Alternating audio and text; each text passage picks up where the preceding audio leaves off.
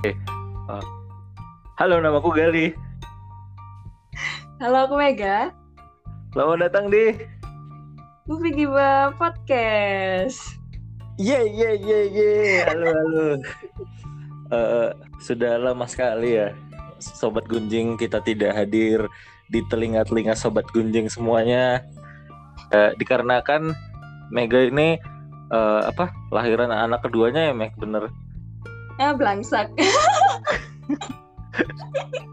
Siapa namanya Mac? Uh, Sarah Cooking Express. Loh, itu kan anak kamu juga, Li.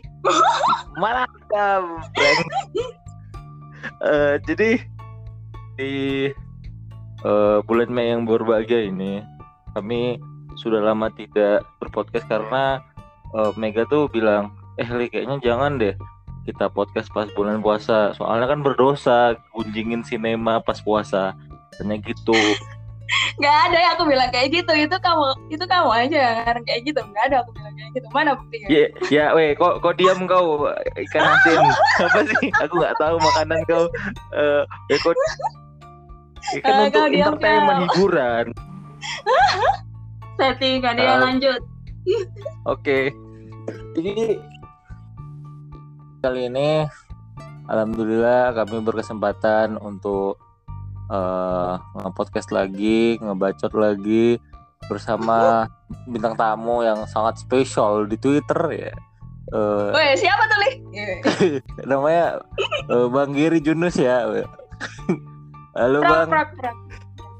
Assalamualaikum warahmatullahi wabarakatuh. Salam sejahtera. Salam. warahmatullahi wabarakatuh. Eh, suaranya serak-serak Bahasa ya suaranya ya. Ini aku baru pertama oh, kali dengar suaranya. Mega oh, kayak iya, gitu. Maaf Mas Ger, uh, Mega itu agak norak kalau ketemu cowok suaranya ganteng. apaan? Suara ganteng apaan? Eh, uh, jadi Mega itu menganggap suara Mas Ger ini ganteng katanya gitu. Wow, mengerikan. Selera yang mengerikan Mbak Mega. Uh, Jadi kita mau bahas apa li sama Mas oh, Gary? Sabar kok, kenalin dulu ini dari jenis ini siapa oh, iya. goblok. ya Allah, astagfirullahaladzim Gali, ya ampun. Gak boleh kayak gitu li, dijaga bacotnya kalau lagi podcast. Etikanya Jadi, mana? Gak pernah diajarin etika ya dulu ya? ya diam kau. Jadi Mas Giri ini siapa nih, Matt? Coba kau tanya. Mas Giri ini siapa? Coba tanya gitu. Ya, sebelum ditanyain siapanya dulu, ditanyain dulu dong. Kabarnya gimana, Mas Ger? Sehat kan? Sehat, sehat. Nah, coba kenalin dulu dong Mas Ger ke pendengar. Mas Gary siapa dan dari mana? Siapa ya? Aku, siapa aku? Belangsak. Apa sih panggilannya pendengar movie Giba itu apa sih? Sobat Gunjing. Sobat Gunjing ya. Sobat Gunjing, Sobat Gunjing. Halo Sobat Gunjing. Halo Sobat Gunjing. Kenalkan aku Giri, Giri Junus. Uh, biasa di Twitter sebagai @giri_junus. Sesekali juga uh, main-main di Cinema Sisyphus juga. Udah sih, itu aja sih nggak ada yang perlu di ini lagi dari aku. Cinema Sisyphus itu apa, Bang Ger? Cinema eh, Sisyphus belum sampai itu... situ. Oh, belum ya? Belum sampai. Kok jangan ngatur kenapa sih, Mek? kan Ya ampun, Li, tadi katanya kamu. Ya udahlah, Ya, ya, ya. ya. Eh, enggak, enggak usah dilanjutin Mas Ger. Ini aku mau kelahi sama Mega aja sebenarnya. Loh, aku belum sampai situ geblek. Denger kalian berantem tau. Oh. Eh, belum sampai situ geblek. Mas apa ditanyain dulu latar belakangnya Mas Ger itu siapa? Kayak kamu nggak oh, pernah iya, jadi iya. host aja. Nora ya, emang. Iya, maaf, maaf, maaf. Iya, Mas Ger, Mas Ger nih latar belakangnya gimana nih? Selain mungkin uh, uh, Twitternya di kiri Junus dan main-main di sini masih Sifus latar belakang apa? Latar belakang keluarga ya? Uh, ya pendidikan. Latar, latar belakang ekonomi saya. oh pendidikan. Ya, begitulah. Saya uh, kebetulan barusan selesai studi di UKSW Salatiga. Uh, masuknya di ini sih konsentrasi jurnalistik kalau di kampus itu terus lari-lari ke sinema oh, oh jadi Mas Kir sudah lulus ya sudah lulus tapi kok gaya-gayanya kayak masih ngerjain skripsi gitu Enggak gimmick aja itu sih. apa Gimmick. oh alah soalnya aku mikir "Eh, anak ini kok nggak lulus lulus ya allah Enggak baru baru selesai tuh minggu eh minggu eh, awal bulan ini sih. Awal Mei kemarin baru akhirnya sidang setelah sekian tahun kuliah. masya allah Oh, jangan disamain sama kayak kamu, Li. kok apa komek eh, maksudku Ah, apa kan? kan kamu kan emang adik-adik, tapi wajahmu lah abang-abang. Ya jangan disamain kayak gitu. Woi daripada kau kau kakak-kakak tapi wajah adik-adik Eh, nggak apa-apa, hemat muda dong. ah, diam kau kau tahu kau tahu Mek kau tuh dikira adekku loh Mek gila gak sih Ya iyalah, orang mukamu kayak gitu. ya ya udah udah udah, udah. Eh, sekarang apa Mek kau tanya lah Mek Eh, nggak kan ka- eh, di episode ini kan kita ngundang ini nih siapa Mas Gary Jonas. Nah, kira-kira kita mau ngobrolin apa sih Li hari ini? Coba kasih tahu ke pendengar judul segmennya apa. Eh, ini pen- pendengar bi- bi- biar tanya eh, biar tebak. Jadi ada dua pilihan. Satu kita akan membahas bagaimana caranya mencintai mbaknya ya. Kedua kita akan membahas bagaimana cara eh apa? Membahas soal eh eh, pemutaran alternatif eksebisi dan yang lain-lain. Jadi pendengar mau yang mana nih? Yang kedua aja lah ya. Ya yang kedua. Jadi kita akan membahas soal pemutaran alternatif ya pemutaran alternatif eksebisi dan lain-lain lah ya sekitar-sekitar itulah ya Eh, bener. Ya kayak gitu. Pak Lemek ini briefing di briefing kok kan per, per- apa naik pertama kali cepet lah Oh iya, kan aku lupa. Emang aku nunggu di kode dulu sih sebenarnya. memang Oke, eh, aku mau nanya nih sama Mas Gary. Kan Mas Gary kan apa namanya Cinema Sisyphus kan fo- fokusnya kebetulan di pemutaran. Nah karena nggak semua di daerah di Indonesia, setauku ada pemutaran alternatif. Nah kebetulan salah satunya di daerahku di sidoarjo ini nggak ada. Nah coba dong Mas jelasin eh, singkat aja mengenai pemutaran alternatif itu apa dan film-film yang kayak apa sih yang diputar di pemutaran alternatif? eh kalau kami sebenarnya ngerasain hal yang sama sih. Dulu waktu awal-awal eh, tahun 2010-an gitu, banyak sekali komunitas-komunitas yang muncul itu justru komunitas produksi. Ya, ya Hmm. memang an- iya ya eh, wajar ya. Maksudnya ketika orang tahu film gitu biasanya mereka akan coba-cobanya bikin komunitas produksi atau mereka bikin film gitu. Tapi kemudian eh, mereka tidak menemukan ruang tayang eh, untuk karya mereka gitu. Padahal pada waktu itu 2010-an itu memang akses ke internet, ke YouTube dan segala macam itu belum ada. Sedangkan di Salatiga itu eh, dominasi eksibisi atau penayangan film itu oleh bioskop. Eh waktu itu bioskop udah nggak ada ding malahan Eh, ke ini apa DVD DVD bajakan itu rental rental gitu-gitu. Hmm. Nah, jadi pada waktu itu bentar motor lewat. Kedengeran nggak sih motornya? Kalau lewat? Eh, dikit aja Oh, Mas Gir apa-apa nggak apa-apa. Justru mempertahankan mumblecore itu Mas Gir nggak apa-apa. Mesti mesti loh. Branding loh mesti. Mesti. Ya eh, intinya pada waktu itu eh, kegel- kegelisahan teman-teman di komunitas produksi itu ada ada ketiadaan ruang produksi, eh, ketiadaan ruang eh, eksibisi. Nah sejak saat itu ya teman-teman baru mulai pemutaran secara mandiri gitu, entah menayangkan film-film mereka atau kadang ada komunitas lain yang ingin menayangkan film di komunitas itu. Nah sejak saat itu kalau misalnya di Salatiga kayak gitu tuh mulai apa ya mulai jadi biasa gitu. Kalau di Jogja itu ada istilahnya sinem, sinema ngamen. Jadi mereka eh, ya berkunjung ke komunitas-komunitas untuk menayangkan film mereka gitu kayak ngamen. Seperti itu. Nah kalau di Salatiga memang eh, kemudian karena masalah seperti itu timbul teman-teman eh, yang ingin membuat eh, komunitas eksibisi pada waktu itu masih ada Kovis komunitas film Salatiga mereka juga eh, melakukan program penayangan gitu terus kemudian eh, mereka sudah tidak aktif lalu diteruskan oleh Sisyphus. Nah, film-film yang ditayangkan sebenarnya ya film-film alternatif ya dalam artian eh, kalau di Salatiga kami fokusnya ke film pendek karena film pendek itu eh, menjadi film alternatif. Nah, kenapa biasanya film pendek itu disebut film alternatif? Karena pada eh, eksibisi arus utama katakanlah bioskop yang dimiliki jaringan begitu eh, itu mereka menayangkan film-film panjang dan film-film pendek ini nggak dinaungi di situ gitu. Makanya kemudian muncul istilah bahwa film pendek ini ya alternatif begitu alternatif tontonan gitulah daripada yang mainstream atau yang arus utama itu. Kalau sekarang kan kita mengenal jaringan 21 itu ya yang besar banget itu ya yang bioskopnya sampai mana-mana.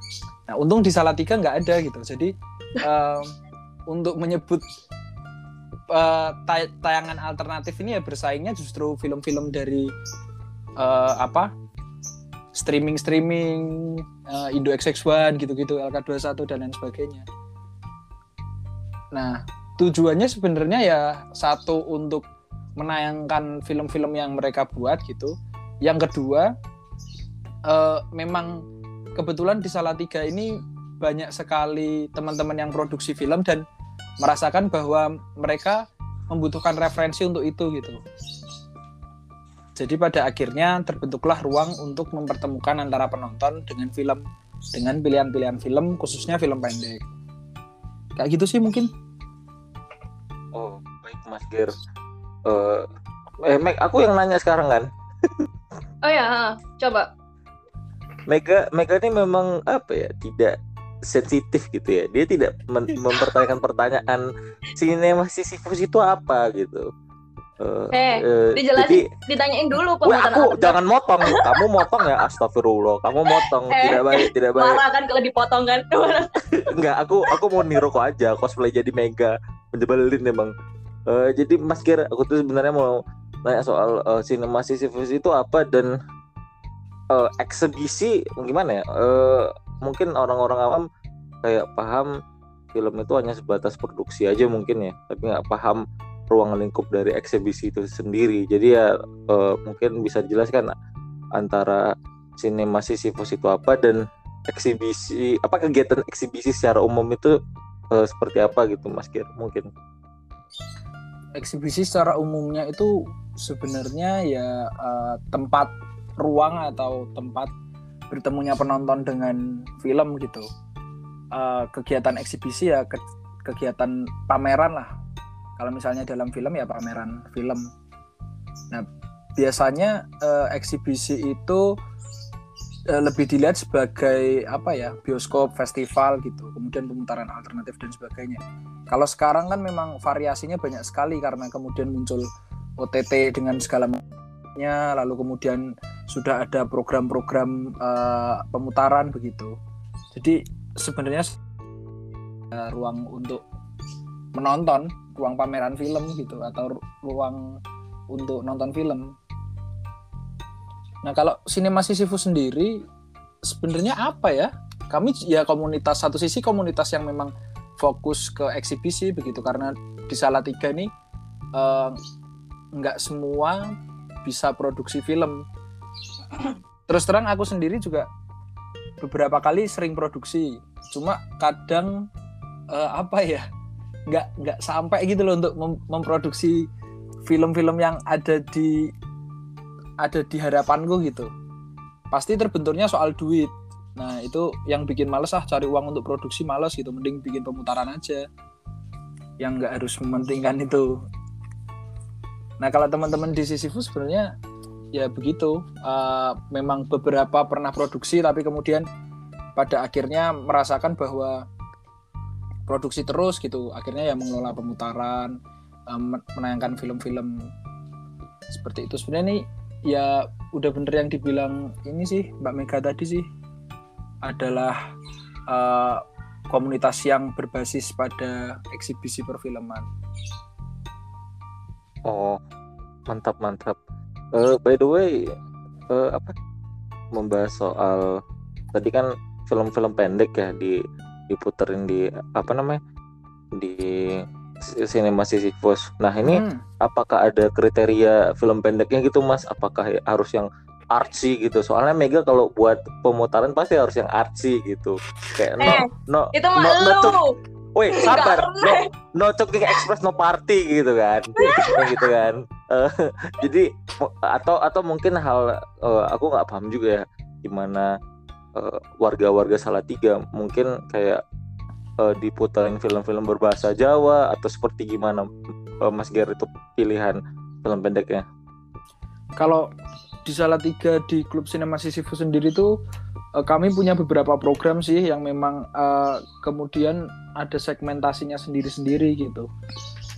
Tapi program yang se- ada sejak kami berdiri itu adalah penayangan film-film dari teman-teman Salatiga sendiri. Jadi teman-teman yang ko- komunitas produksi eh, kami tayangkan filmnya untuk ditemukan dengan penonton gitu. Itu sudah menjadi apa ya? Ya ya memang itu yang awalnya mau kita bangun gitu. Se- eh, membentuk tempat di mana film-film Salatiga ditonton oleh masyarakat Salatiga gitu. Tapi kemudian eh, kami akhirnya nekat bikin program-program lain gitu karena kami rasa eh, kebutuhan untuk tontonan itu juga semakin bervariasi.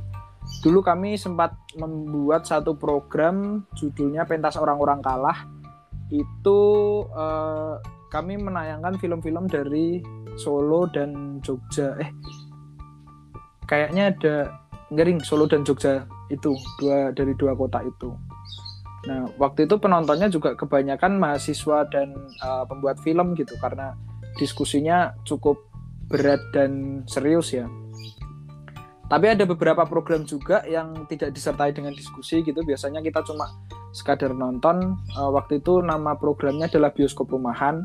Kita menontonkan film itu di rumah warga karena kebetulan waktu bulan Februari Januari atau Februari itu itu masih musim hujan jadi kami mau bikin layar tancap cuma takut nanti hujan gitu jadi akhirnya kami uh, bikin layar tancap di dalam rumah ya yang nggak layar tancap layar tancap amat lah ya kayak uh, home theater gitu tapi ditonton oleh warga gitu disaksikan di rumah situ dan uh, waktu itu salah satu filmnya adalah Tilik Uh, tapi itu memang sebelum viral ya jadi waktu kami tayangkan di bioskop rumahan itu memang uh, kemudian film itu menjadi berkesan gitu. Itu tahun berapa, Mas? itu tahun 2020 awal tahun sebelum pandemi. Oh. Nah itu awal awal banget itu dulu eh, karena kebetulan aku waktu itu masih kerja di bioskop Sono Budoyo, masih jaga bioskop situ, bioskop museum. Eh, jadi nih film Tili ini menurutku menarik kalau misalnya aku bawa ke Salatiga gitu karena eh, masyarakat sini juga memiliki cerita dan relevansi yang sama. Dan ketika aku bawa ke Salatiga ya itu menjadi film yang berkesan. Bahkan ketika mereka viral apa film Tili itu viral, mereka ngerasa kayak snoop gitu. Oh ini udah pernah nonton nih duluan nih daripada kalian-kalian yang baru tahu. Ya ya serunya di situ sih kalau misalnya itu itu pengalaman yang menyenangkan. Kalau kriteria untuk filmnya sendiri nggak ada sebenarnya. Eh, tapi kami beberapa film yang dari luar kota memang mengalami proses kurasi ya dalam artian biasanya ya eh, kami mengumpulkan film yang ini mungkin bisa ditayangkan gitu. Tapi kalau misalnya ada beberapa teman-teman yang eh, dari Semarang misalnya, mereka suatu ketika pernah ini kami punya film nih mau ditayangkan ke Salatiga ya. Oke, kami menampung gitu. Dari Kendal juga pernah main-main ke Salatiga gitu menayangkan filmnya. Jadi kami sebenarnya eh, terbuka untuk siapa aja sih filmnya seperti apa juga selama eh, itu dirasa cocok sama penonton-penonton sini ya nggak masalah. Tapi kak misalnya katakanlah film art house ada tuh filmmaker eh, Jakarta yang filmnya art house banget kan. Siapa Kalau namanya? misalnya- Mesti, mesti. Siapa namanya Mas Mesti. Ger? Mesti. Eh, siapa ya namanya ya? Udah Mas Gar, nggak Aku- usah di-spill nggak apa-apa Oh kok. nggak boleh ya, nggak boleh ya. Eh enggak enggak enggak enggak, enggak. ya enggak apa-apa Mas Ger kan ini konteksnya memuji filmnya Oh, memang art house Betul. kalau filmnya Oh. jelek nggak tahu lah ya Hah? aku aku tuh aku lupa nama username-nya deh. Di Twitter Oh. soalnya dia. Yogi Saputra. Betul. Mesti loh ya kan? Mesti loh. kan? Mesti Tapi ada satu Oh, lagi mesti selain Yogi. Eh Yogi Saputra Judulnya apa, Mas, kalau boleh salah tahu? tiga film jelek kayak gitu? Bukan di Eh, ikan ju- sih. Judulnya Nggak apa mas? sopan ya. Enggak, maksudnya tuh kalau film-film arte seperti itu mau ditayangkan ke Salatiga ini kami harus mencari ini pasarnya sendiri gitu karena Oh, film paham. film kayak gitu tuh sebenarnya nggak ramah untuk penonton sini. Karena dianggap Filmnya kayak- Gali kayaknya ramah ya mas ya buat penonton Salatiga kayaknya. Mo- Oh itu ramah, ramah, Wah, Iya, iya itu kan, bener kan? masterpiece. masterpiece. Eh, Itu nanti rencananya memang mau kami tayangkan di Videotron tengah balai kota. gitu. waduh, waduh, waduh. Li, gimana tuh Li? Siap-siap ini ya Li ya, dirujak ya Li ya. Eh, aku yang nanya ya Li ya. Wah sabar ini Mas Gir belum selesai tadi. Gimana tadi Mas Gir? Oh belum. Udah Udah sih selesai. ya intinya intinya gitu sih. Eh. Maksudnya eh, penonton Salatiga punya karakter sendiri dan at- memang apa ya ya terpecah-pecah seleranya begitu. Kayak Oh. gitu aja. Ayo kau nanya, Mas. aku yang nanya ya. Ya. Eh, ini aku penasaran nih, kenapa sih nama eh, pemutaran alternatifnya tuh Cinema Sisyphus? Kenapa bukan kayak Mania Cinema atau Cinema Linea kayak gitu? Karena udah dipakai itu. Dulu Oh, iya. tuh mau Iya. mau pakai nama Cinema Potika juga udah dipakai. Wah, Terus mau aduh. mau pakai Serius, serius. nama Oke, sorry sorry sorry. Eh, sebenarnya kami iseng dulu eh, karena kan Cinema Sisyphus ini dulunya adalah anak-anak kampus yang Hmm. bergabung di komunitas kampus begitu. Kemudian kami kecewa sama birokrasi yang terlalu berbelit-belit. Gila. Waduh. Eh, kemudian kami kami keluar dan bikin klub sinema gitu. Pada saat itu kenapa tercetus Sisyphus karena kebetulan eh, teman-teman yang nggak nggak lama sebelum itu tuh ada diskusi terkait eh, ya itu Albert Camus dan lain sebagainya ya. Terus kemudian oh Sisyphus aja gitu. Itu sebenarnya udah nama yang digunakan di mana-mana lah, klub buku lah atau apalah gitu-gitu. Eh, yang pernah kami bikin gitu. Kemudian Sisyphus itu eh, muncul dengan semangat yang ada di eh, bukunya Sisyphus yang eh bukunya Albert Camus yang mitos Sisyphus. Kalian pasti nggak baca tulisanku di Mania Cinema ya? Wah, aku aku baca, aku yang Oh, edit. Mega Mega nggak baca. Oh ya jelas, aku nggak baca bu kayak gitu. Pecah otakku kalau Bukan Nek, kau nggak baca tulisan Bang Giri di mana sinema. Oh nggak, aku mas eh, belum baca sih belum. Eh, marahin Mas Maafin Gir, aku mas marahin. Gary. Maafin aku, ampun, ampun nanti aku baca, aku aku baca.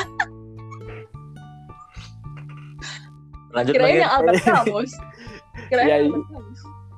Intinya ya memang berangkat dari Albert Camus itu kemudian Oh. eh, mitos Sisyphus tentang eh, si Sisyphus itu ya yang mengilhami kami bahwa ya kami seperti mendorong batu gitu ke atas ke puncak karena eh, kami tahu bahwa batu itu akan berguling kembali ke bawah ya memang kegiatan perfilman apa pun itulah di Salatiga juga sering kali mengalami hal-hal kayak gitu.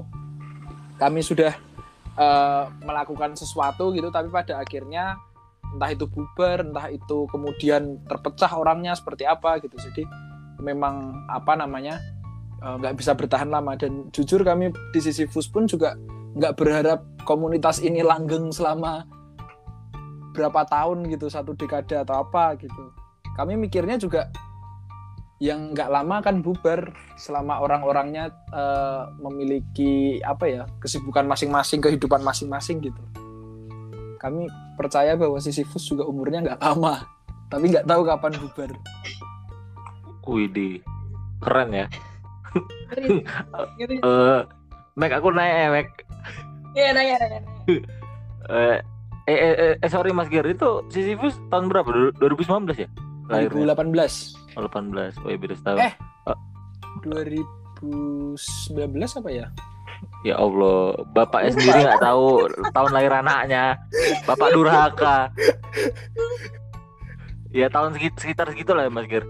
ini kayaknya ya 2019 eh 2018 November 2018. Yang mana? Lu ayo ayo 2015 atau Bener. 2019? November eh, inisiasinya awal-awal sih, cuma program pertama itu November 2018. Oh, oke. Eh, Mas Gir, aku mau nanya soal apa ya tadi kan tentang Mas Gir membahas soal eh, kriteria eh kriteria penonton di Salatiga itu kan beda-beda ya dan eh, seperti yang aku tahu eh bud- eh, apa ya men- eksibisi itu kan sebenarnya budaya nonton ya maksudnya kita harus mengikuti sesuai dengan budaya nontonnya seperti apa gitu Mm. jadi jadi kita kan apa ya menurut aku nih jadi kita tuh nggak bisa eh mengaplikasikan saplek sapleknya gitu apa sih bahasa Indonesia ya mengaplikasikan secara eh, frontal gitu kayak teori dari Amerika sana terus diaplikasikan ke sini yang mu- mungkin teori dari Amerika disuruh pakai layar besar atau apa kan Mm. kondisi di Salatiga kan beda banget gitu ya. Maksudnya Hmm. tadi ada soal eh, layar home theater itu, terus layar tancap, bla bla bla itu kan sangat menyesuaikan banget gitu. Nah kalau di sana itu eh, ini ada dua pertanyaan sebenarnya. Maksudnya eh, di sana itu budaya apa penontonnya gimana, budaya nontonnya seperti apa dan eh eh, dan gimana sih cara eh, klub Cinema Sisyphus itu men- mensiasati perbedaan budaya nonton dan penontonnya ini itu sih Mas Gir. Ini pertanyaannya ag- agak berat sih karena terus terang kami juga masih bertanya-tanya gitu.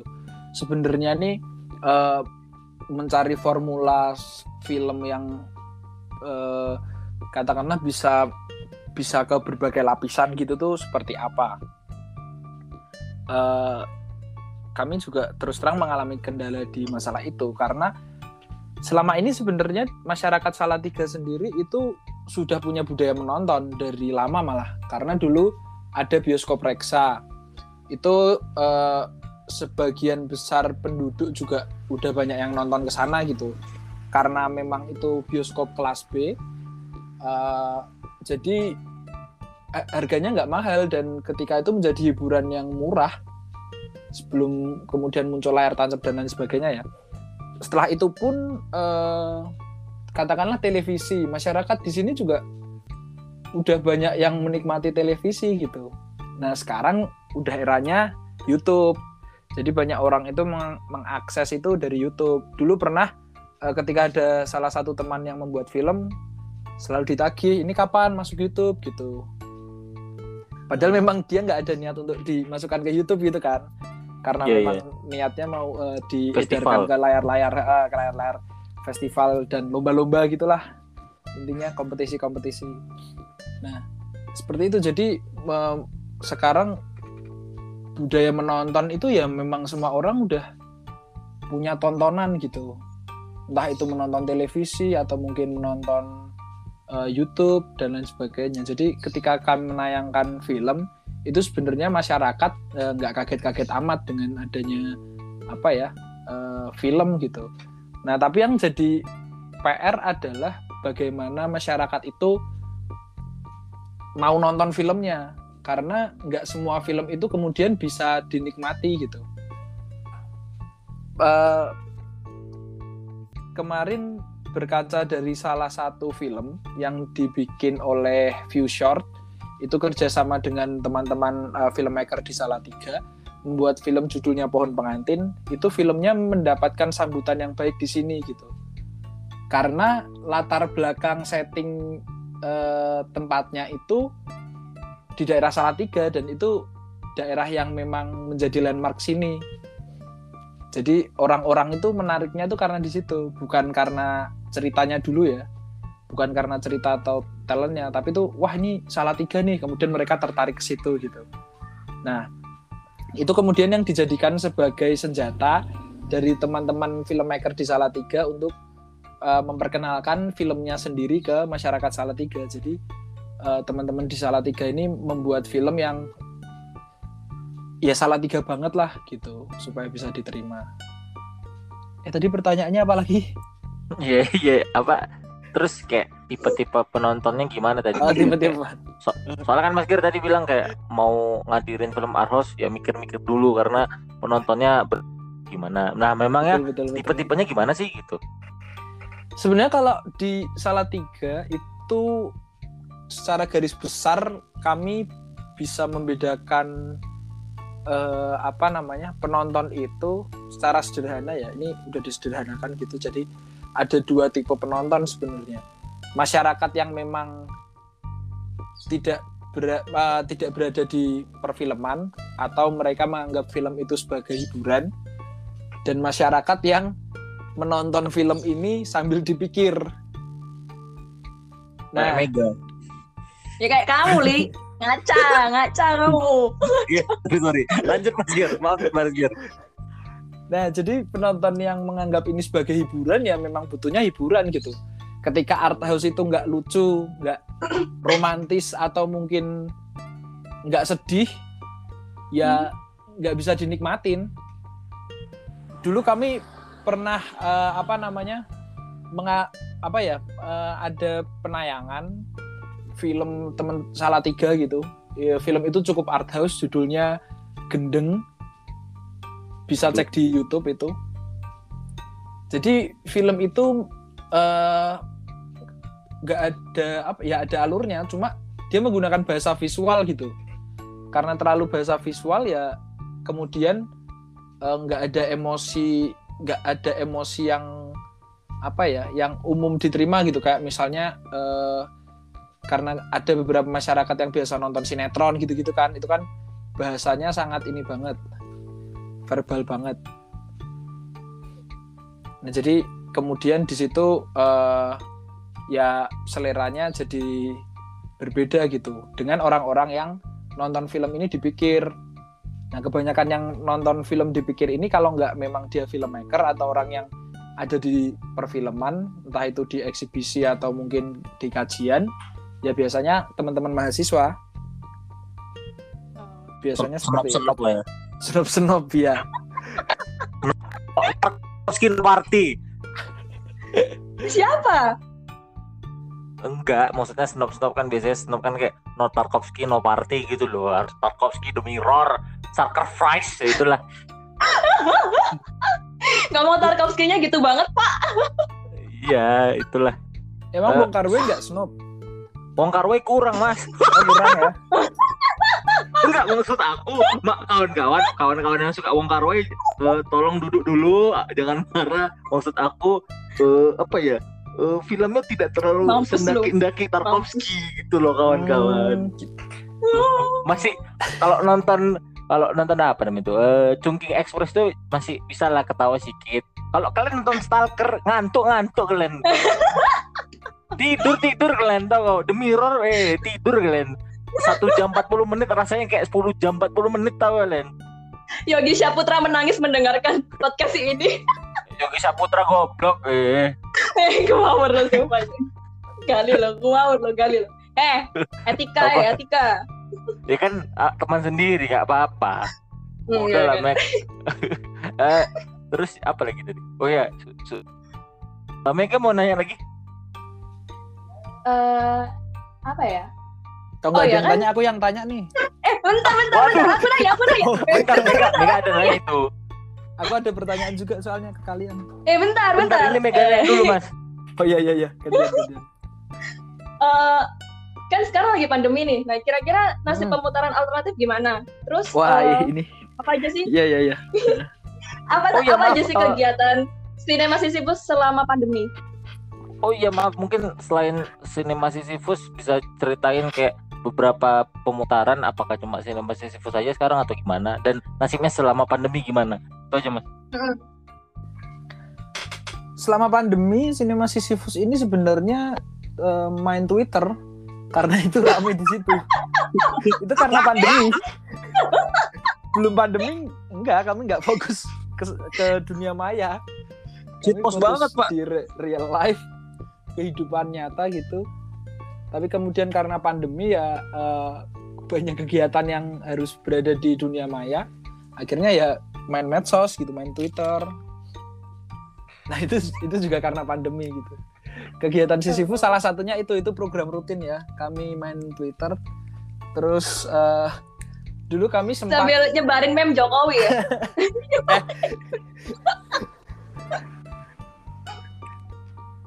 serem banget nih ber- bercandanya bawa-bawa pemerintah. nanti nanti dibungkam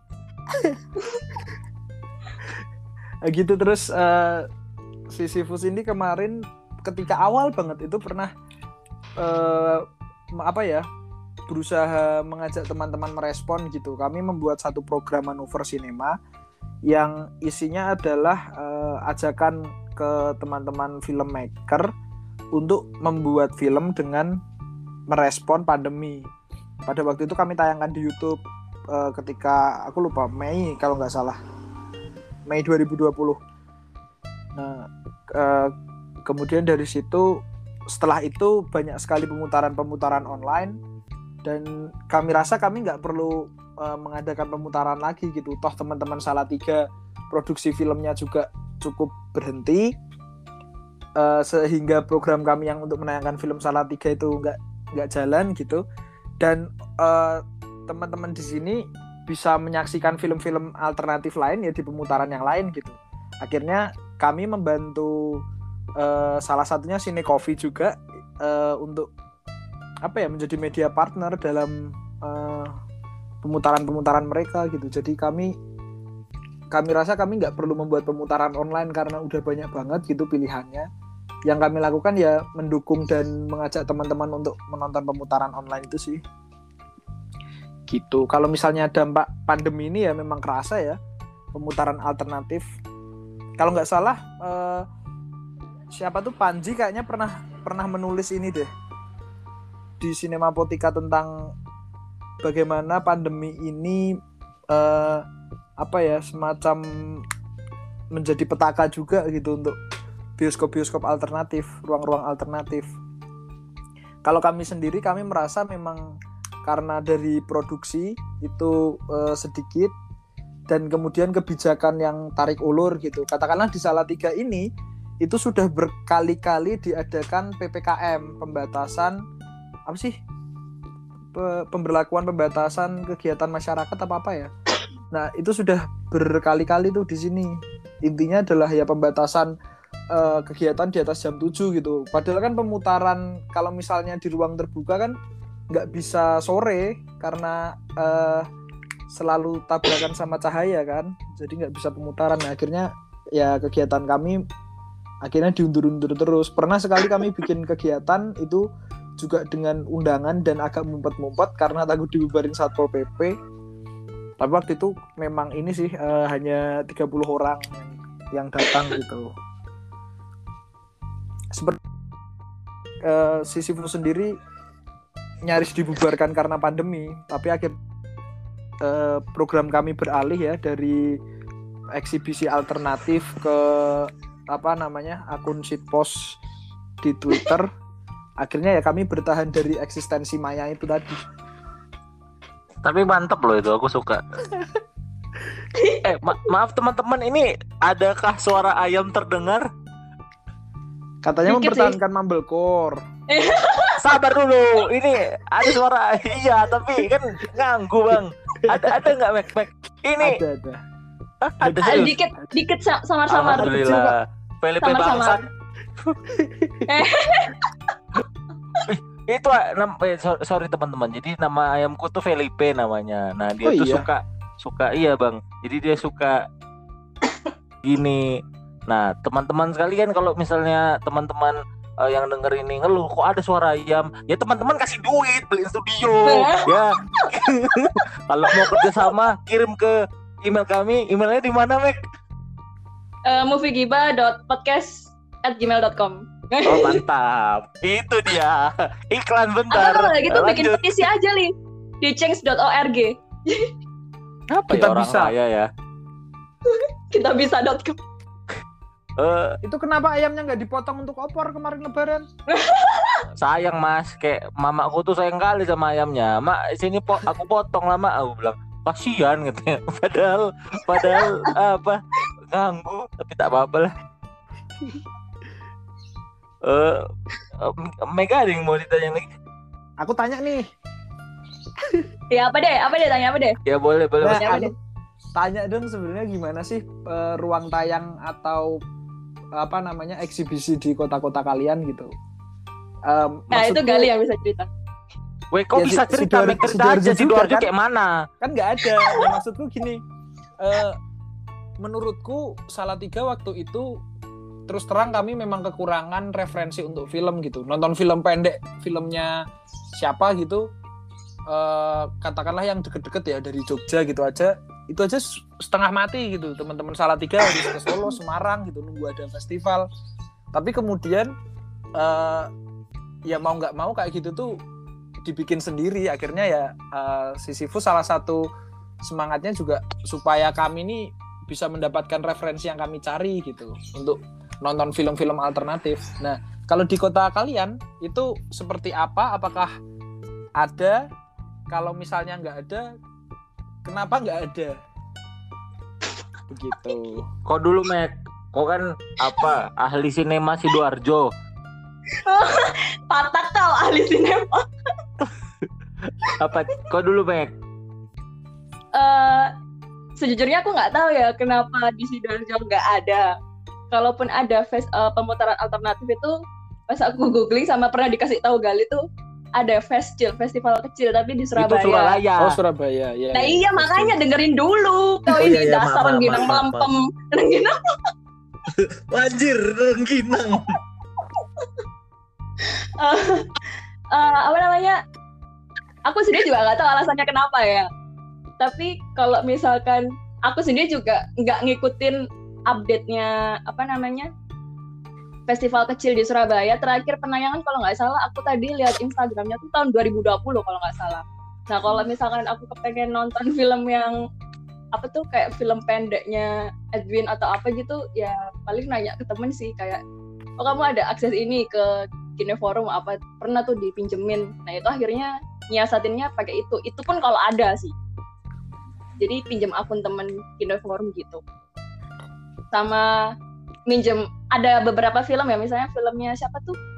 Edwin yang babi buta itu kan gak ditayang di bioskop nggak sih? Aku juga nggak tah ya pokoknya Iya, aku baru ditayang. nonton tuh di movie. Heeh, aku baru nonton tuh di movie dipinjemin temen juga.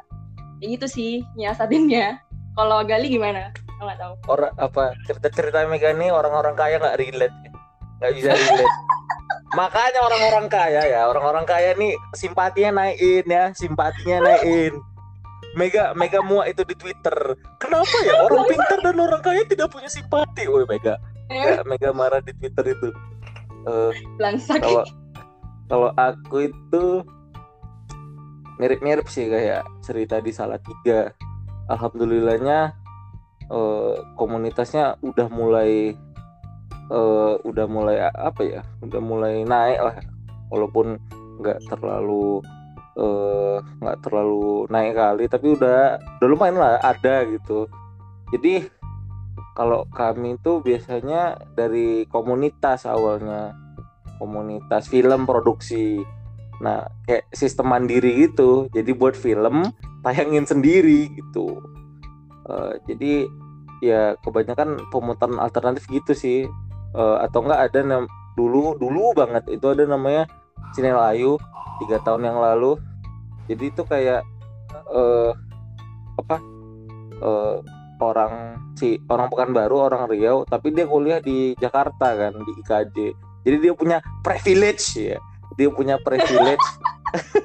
Dia punya privilege kayak untuk ketemu link dari orang Kinosaurus Kineforum ya pokoknya pemutaran alternatif khusus orang Jakarta yang privilege itulah ya. Ya. Eh, benci kali Eh, aku aku aku nggak benci dua pemutaran itu. Yang sok-sok aja sih. Aku sayang dua pemutaran itu ya kawan-kawan. Aku sayang banget. Ya, jangan di framing ya. Eh, jadi jadi aku sumpah aku sayang. Aku sayang Alexander Matius aku sayang apa ya? Dari Kineforum itu lupa aku. Panji Mukadis ya? Lupa aku.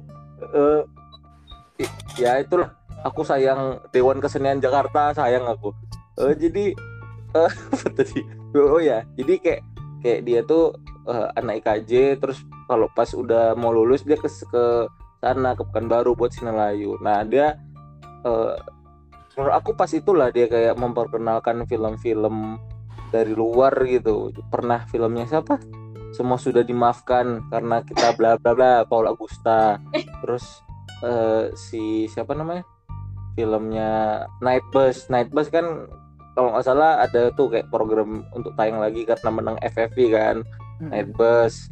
Ya film-film lumayan besar sih kayak eh, The Mirror Never Lies. Wah, terus eh, filmnya Camila Andini yang film pendek yang Diana sendiri Diana sama Memoria ya.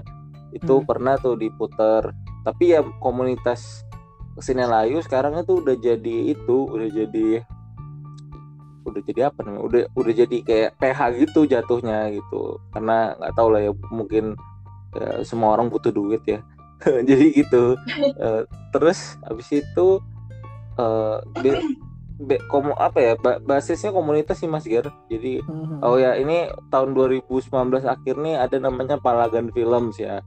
Palagan Films ini eh muterin aku aku pernah jadi juru program di situ. Aku jadi programmer di situ untuk nayangin sinema kacang goreng eh, nya punya Azam Firullah gitu. Karena menurut aku penting sih kayak rakyat Pekanbaru eh, harus harus tahu juga film-film tanda kutip sampah kayak gitu film-film yang keren gitu film-filmnya Azam kuntilanak pecah ketuban gitu gitulah Mhm. terus pernah juga ada eh, program dari lin- 56 film atau dari mana gitu. Jadi kayak menayangkan film-film pendek eh Yosef Angginun Hmm, lima enam ya ya Eh, jadi siapa? Lady Kedi terus sama film panjangnya eh Sole Solitude. Waduh. Eh, istilah kata-kata. Kata kata-kata ya. Iya. Eh, Palagan film sih yang menurut aku fokusnya apa? Di eksibisi. Itu, itu pun dia apa ya? ud- kayaknya udah nggak aktif lagi kayaknya ya. Udah kayak berapa tahun kan udah naik-naiknya langsung dikejar sama pandemi jadi turun sampai sekarang nggak ada Hmm. itu programnya ya Allah kasihan dan itu biasanya Palagan Films tuh ya kawan-kawan aku juga gitu dan ya sama kayak salah tiga di sini fokusnya masih di produksi sih Hmm. dulu aku kan eh, pas aku buat film maafkan saya itu kan aku fokus di produksi karena aku karena gimana ya eh karena aku alhamdulillah dapat privilege kayak pengetahuan yang oke gitu dan bahasa Inggrisku lumayan. Kawan-kawan saya tidak ria kawan-kawan. Karena memang susah sekali. Oh ya apa ya? Akses bahasa Inggris akses buku bahasa Inggris itu susah susah sekali kawan-kawan. Jadi ya aku alhamdulillah di apa diberi fasilitas gitu kan. Jadi aku udah lumayan gitu bahasa Inggrisnya. Dan aku ya udahlah aku fokus ke mana sinema aja untuk meningkatkan eh, kajian film. Kajian film. Ya, pokoknya gitulah kritik film. Kayak soalnya udah banyak nih komunitas produksinya. Yang ngapain lagi kau buat komunitas produksi? Mending kalau mau edgy mau senop enggak sih? Mau keren gitu ya buat Iya. komunitas kritik gitu. Gitu. sedikit unek-unek saya juga lah tambahan itu. Kalau Mbak Mega nggak mau ini bikin gitu komunitas eksibisi kan belum ada tuh mega takut takut Iya, eh enggak dulu deh kayaknya. Enggak dulu deh. hidup apa apa Meg? nggak dulu kenapa Meg Apa ya? Kayaknya banyak ada yang diputuin sama Iya sih. tenaganya juga. Iya, Dan iya, iya. kayaknya aku enggak bener nggak bisa sendirian lah kalau kayak gitu gitu. Apalagi itu juga butuh duit lah ya. Nah, iya bener ya tahu lah Ali. Ya tahu lah Ali. ya, ya tahu lah ya, nah ya di kan Salatiga itu lah. di Salatiga itu enaknya eh, ketika pengen bikin pemutaran itu ada kafe beberapa kafe yang eh, mereka merespon dengan baik gitu karena kan Sisyphus ini nggak punya ruang tetap ya kayak ruang audiovisual gitu jadi Hmm. kami eh, dulu pindah dari satu kafe ke kafe yang lain Oh, Eh, nomaden. Betul. Kemudian ada kafe yang memang menjadikan Sisyphus ini apa ya sebagai mitra gitu, kerjasama s- rutin. Nah, di situ mereka pun udah menyiapkan sound dan LCD gitu. Jadi ya kami kan apa ya numpang lah di situ dan mereka yang memfasilitasi gitu jadi secara biaya itu kami nggak mengeluarkan apa-apa tapi memang eh, pada waktu itu sampai sekarang sih Sisyphus sebenarnya belum pernah menerapkan pemutaran berbayar tuh Maaf ya Mas, miskin saya. santai Iya. santai santai santai Halo. Tes tes. halo Langsung lanjut Mas. Tadi ngomong apa? Soal LCD dan lain-lain tadi. Oh, intinya Sisyphus ini belum pernah bikin pemutaran berbayar. Jadi kami dimudahkan dengan eh, apa namanya fasilitas gratis gitu yang dimiliki oleh kafe. Hmm. Ya jadi untuk biaya kadang kami nggak terlalu ini sih nggak terlalu pusing gitu. Kecuali kami mendatangkan sutradara gitu dulu pernah dari Solo eh, datang ke Salatiga tuh kami jemput. Nah mungkin hal-hal kayak gitu sih. Tapi memang yang penting adalah jaringan ke ini juga ke filmmaker filmmaker gitu. Sisyphus ini sebenarnya sebenarnya cukup terbantu ketika kami uh, punya jaringan ke Suluh Pamuji gitu, yang notabene dia sudah menjadi programmer cukup lama juga di klub DIY menonton di Yogyakarta. Nah itu beliau juga membantu banyak sekali lah di kami. Seperti itu sih. Nah mungkin kalau misalnya eh, Mbak Mega mau bikin apa namanya pemutaran gitu ya mungkin sesekali cobalah film-filmnya teman-teman sidoarjo dulu gitu lihat seberapa antusiasmenya eh, pembuat-pembuat film itu pada ngumpul kayak gitu-gitu Insya Allah. Eh, Mac, kau ada mau nanya lagi nggak Mac? Ya, kayaknya nggak ada deh. Nah ini aku ada satu pertanyaan terakhir ini. Gila. Ini ya gongnya ya. Eh, mungkin. Eh, jadi Mas? Mas Ge- eh, bukan kau ya, aku naik sama Mas Gary. Iya, iya tahu ah. jadi Mas Gary eh, kayak membicarakan soal akses sinema dan yang lain-lain kan eksibisi. Nah kan apa ya? Langsung Oh guys. sabar anjay. Aku menyusun kata-kata nanti diserang aku sama orang-orang pintar kan. Eh, jadi, jadi kalau buat akses film eh apa ya? Aduh ngomongnya gimana ya takut. Bentar bentar. Eh ngomongin Ya, bajakan nih pasti film bajakan oh, ada nyinggung dikit ada nyinggung sedikit Eh, jadi kalau misalnya membahas soal eksibisi kan akses film. Nah Hmm. kan apa ya? Kayak kayak itu adalah kerja-kerja untuk sinema yang lebih inklusif lagi lah ya kan ya. Mhm. jadi kalau eh, di apa ya? Di Salatiga sendiri mungkin bisa dirangkum kayak seberapa sudah tahu eh, sampai tahun ini ya mungkin sudah seberapa inklusif akses sinema gitu. Dari mungkin eh, ini berbicara eksibisi ya Mas Ger entah mungkin itu dari internet atau gimana. Kan kendala dari eksibisi apalagi internet ya itu kan banyak banget ya kayak VPN lah inilah. Nah, itu mungkin itu dari online dan offline-nya gimana Mas Gir kalau bicara seberapa inklusif kah gitu eh, sinema eksibisi di sana gitu secara umum sebenarnya eh, eh, ini suara sanyo depan rumah ganggu nggak sih? Enggak Ya, enggak apa? enggak ya? Album My Biar- Blood Valentine. Ada noise noise nya ya? Iya. Eh, sebenarnya secara umum kalau eksibisi di Salatiga itu kebanyakan memang masih di eh, apa ya didominasi oleh situs bajakan sih. Karena eh, bioskop di Salatiga kan baru ada itu 2021 dan itu eh, apa ya penontonnya di sana juga nggak nggak terlalu ramai. Begitu. Dan pemutaran alternatif pun juga pasarnya eh, biasanya terpetakan itu itu aja gitu. Kadang eh, kebanyakan yang datang mahasiswa eh, kalau ada warga juga harus apa ya bikin pemutaran di daerah situ begitu nah kalau misalnya eh, inklusivitasnya sinema sebenarnya akses film sendiri dalam masyarakat menonton itu juga eh, masih terbatas. Kalau di internet apalagi gitu. Di sini nih eh, kebanyakan yang pengguna Netflix atau OTT lain gitulah kan yang paling populer Netflix ya. Itu ya nggak nggak terlalu banyak sih dan kebanyakan memang anak-anak mudanya. Orang kaya ya.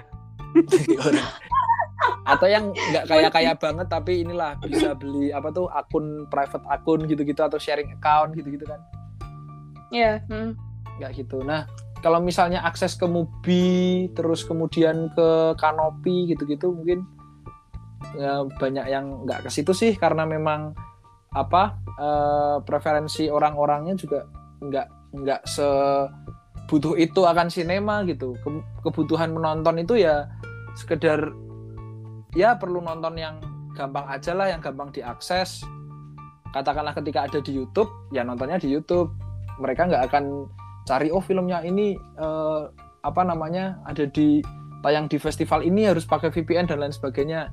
Ya mungkin ada beberapa gitu tapi sependek pemahamanku kayak gitu nggak terlalu banyak karena kayak gitu biasanya yang memang orang-orang yang katakanlah uh, sinetfil snob sinetfil gitu itu ya biasanya uh, berada di lingkaran yang sama ya. Mereka pernah datang ke Sisyphus atau sering nonton ke Sisyphus gitu. Kalau enggak anak-anak kampus yang kuliah di DKV atau di uh, Viskom di komunikasi. Mm-mm.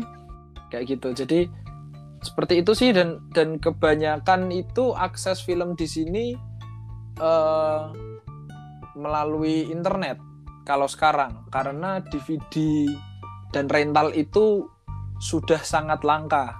Nah menariknya dulu malah gini ini sedikit cerita ya di Salatiga. Jadi itu dulu eh, masyarakat Salatiga itu terbiasa nonton film di bioskop itu sudah menjadi hal lumrah gitu Eh, menonton di bioskop waktu itu masih bioskopnya Reksa bioskop kelas B kan Eh, menayangkan film-film ya yang berkelahi atau mungkin film-film apa namanya eh, semi-semi gitu. Kemudian setelah itu muncul eh, DVD DVD bajakan dan lain sebagainya. Nah pada waktu itu eh, yang menjamur adalah pedagang DVD bajakan dan rental. Jadi dulu eksibisi yang sering ditemui ya mereka justru menonton di rumah gitu. Karena dari itu bioskop akhirnya eh, harus menutup eh, usahanya. Eksibisi di bioskop itu sudah udah nggak udah nggak bisa bertahan. Nah pada akhirnya eh, budaya menonton itu jadi di rumah-rumah, udah nggak di tempat umum. Nah beberapa kegiatan di kampung-kampung di sini itu menayangkan eh, apa namanya layar tancap. Tapi itu dengan apa namanya ya eh, dengan momen-momen tertentu biasanya. Misalnya waktu tirakatan sebelum 17 Agustus gitu. Atau kadang mungkin eh, ketika ada pertandingan bola tapi sebelum nunggu bola itu nonton film dulu gitu dulu pernah di dekat kampungku ini sebelum ada Piala Dunia itu dari jam 7 itu udah nonton film dulu gitu kan sambil kumpulin warga. Nah, baru jam 12 jam satuan itu baru nonton bola gitu sampai pagi. Nah, jadi eh, apa ya? Ada masa transisi di mana film itu dinikmati di bioskop, eh, ruang publik gitu, ruang tayang bersama. Eh, kemudian ada di ruang-ruang apa namanya? ruang-ruang pribadi di rumah. Lalu kemudian ada di ruang-ruang kolektif seperti layar tancap gitu karena itu juga menurutku menarik karena spontanitasnya gitu. Pilihan filmnya pun juga nggak ada kurasi. Ketika misalnya eh, Pak siapa punya film apa cocok ditayangin ditayangin. Tapi dulu Film kayak mana eh, biasanya mas? Dulu film-film action sih kebanyakan film Hmm. action tapi yang nggak ada ininya nggak ada adegan eh, ciumannya ya mungkin Oh. ada tapi sedikit-sedikit gitu karena waktu itu kan nayanginnya jam 7 gitu kan dulu pernah eh, nonton Titanic gitu Waduh. jam Hmm. jam 7 eh jam 7 setengah enaman lah pokoknya habis maghrib terus udah mulai pemutaran tapi kan itu ada adegan ini ya telanjangnya ya Astagfirullah. Nah, Nggak, tahu saya. banyak anak banyak anak-anak di situ gitu dan eh, bapak-bapak yang pada ngadain pemutaran itu pada dimarahin sama ini ibu ibunya anak-anak gitu. Oh, film oh, nggak bener ini dan lain sebagainya gitu. Akhirnya selanjutnya eh, ketika menunggu ada pemutaran bola itu ya yang ditayangkan adalah film-film berkelahi yang ini yang memang banyak actionnya gitu. Nggak banyak adegan ciumannya kadang ditanyain dulu ini ada adegan ininya enggak adegan saru-sarunya enggak oh enggak ada ya udah tayangin gitu. Karena memang kadang ada anak-anak yang nonton di situ kan karena saking luasnya. Dan yang ditayangkan ya film bajakan. Nggak mungkin mereka minta izin ke produksi-produksi ini. Nah kayak gitu. Nah setelah itu baru eh, layar tancap udah nggak ada dengan kehadiran internet dan film atau tontonan itu menjadi sesuatu yang kembali private ya di apa rumah-rumah dan di ponsel gitu.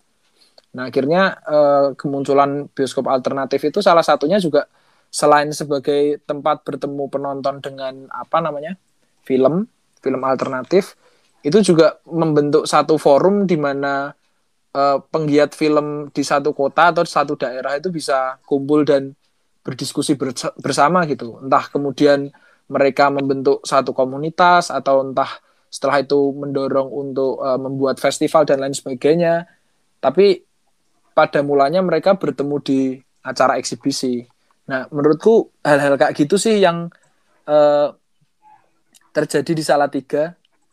Dulu juga sempat ada yang namanya bioskop mini. Itu konsepnya malah menarik banget. Jadi ada satu rumah warga, eh, rumah orang gitu. Dia di ruangannya itu dibagi jadi empat atau lima, aku lupa. Tapi di situ tuh jadi bikin home theater dan home theaternya sangat tertutup gitu kan. Nah ketika masuk itu uh, di kayak resepsionisnya gitu milih film yang mau ditayangkan ke mana gitu. Ada ruangan yang kapasitas dua orang, ada yang kapasitas empat orang, sama enam orang kalau nggak salah.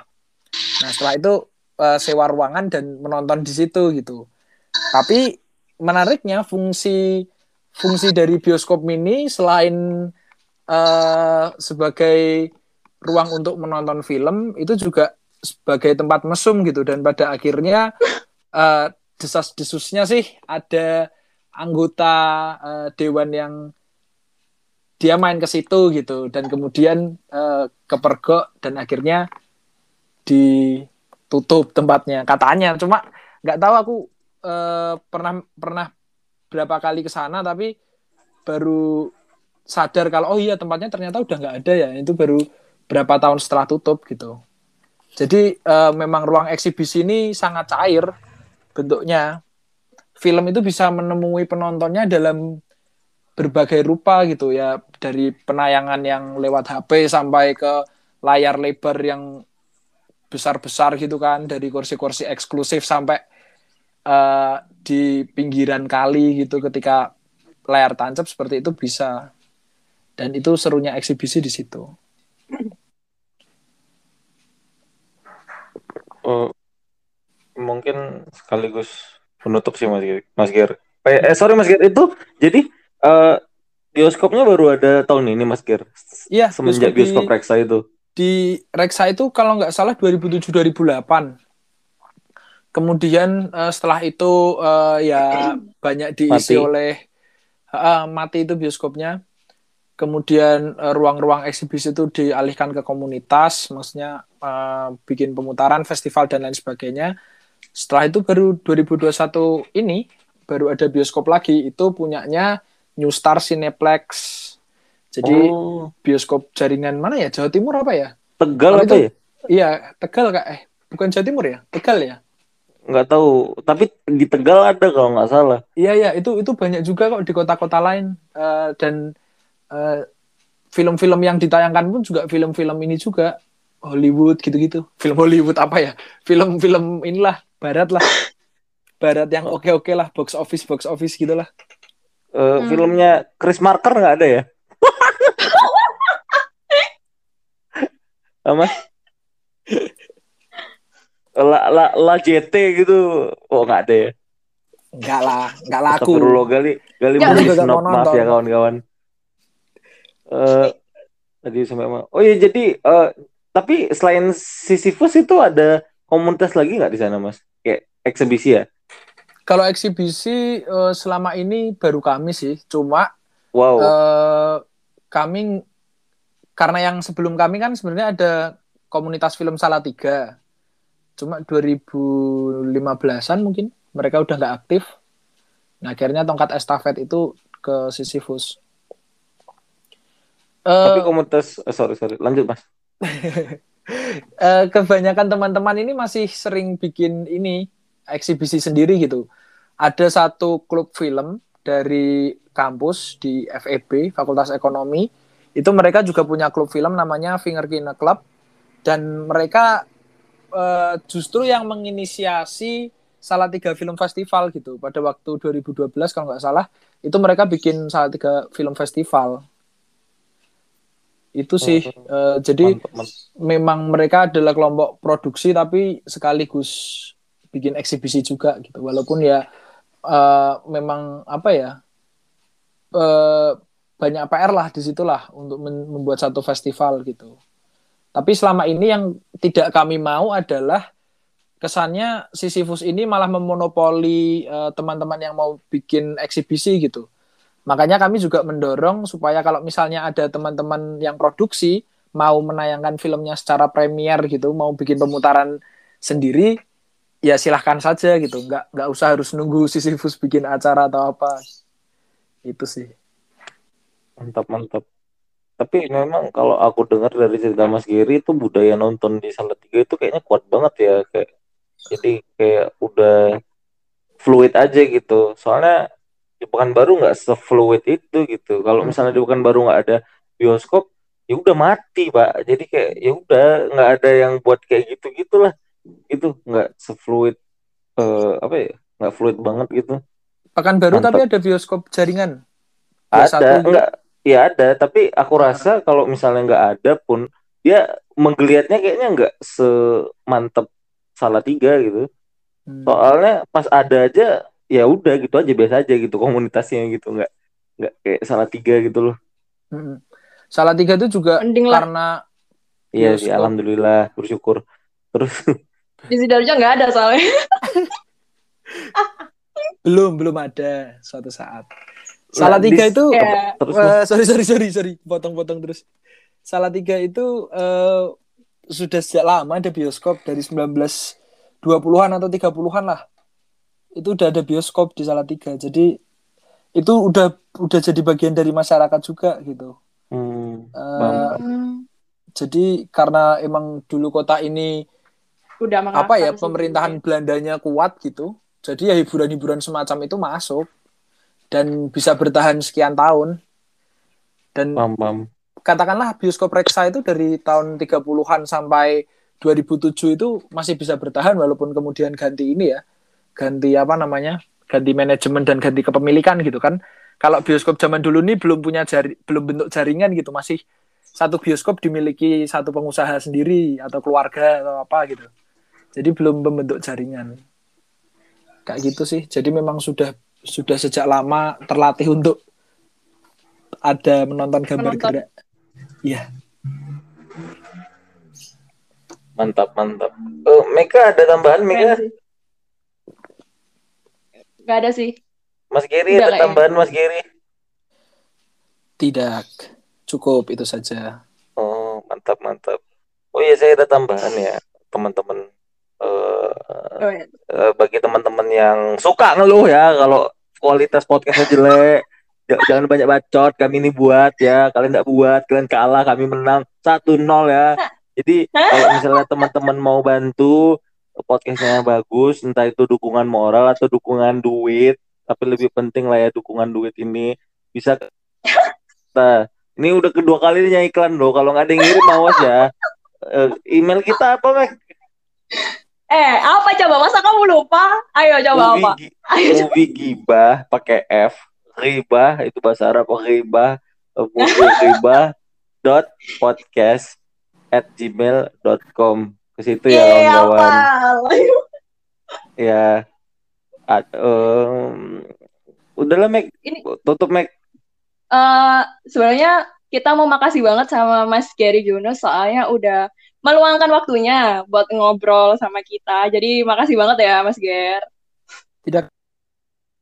Keren ini Eh, eh, Apa? kapan-kapan menghadirkan Yogi dong. Aku pengen, tidak tidak Gali, mau gimana saya. nih? lihat dia Sampah. bersuara soal sinema kayaknya kemarin-kemarin sepi nih Twitter.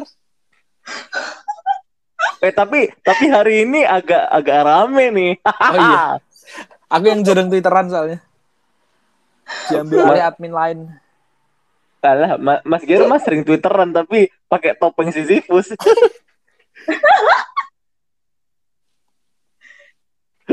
Ya pokoknya makasih. Ya, kalau misalkan diundang lagi mau lah ya buat datang. Mau, mau, mau. Insya Allah. Nih gimana nih permintaannya Mas Gary buat ngundang Yogi? Aku sih apa kata Gali ya, soalnya di sini leadernya Gali. Weh, kau jangan kayak gitu, kau lebih tua. Aku kan ngikut kok gak Mac. Ah dasar. Ya kalau Ya. Yogi gimana ya? Otaknya kosong. Eh ngawur. Astagfirullah. Eh ngawur. Ya, ya su- nampaknya berisi tapi sebenarnya nggak berisi berisi amat. Astaga, ya ampun. Ya, ya nanti Udah ya, dipertimbangkan udah, lah. Undang Yogi, ya semoga saja lah ya. Terus eh, buat teman-teman yang misalnya dengerin podcast ini sampai selesai, eh, makasih banget. Kalian udah meluangkan waktu kalian buat dengerin kita ngerusuh rame. Udah karena udah sebulan penuh ya kita nggak apa sih bikin podcast. Terus kalau misalkan kalian pengen ngasih kritik, ngasih saran, Ngasih duit ngasih juga boleh. komentar, iya ngasih sumbangan ya, ya kirim aja ke emailnya Movie Giba yang udah disebutin sama Gali tadi. Movie Apa moviegiba.podcast@gmail.com. Aku udah tulis ya di kolom deskripsi terus atau mungkin bisa mention ke Twitternya Gali atau Twitternya aku sih. Oh ya, Mas Gary coba dong promosiin eh, Twitternya atau sosmednya Cinema Sisyphus.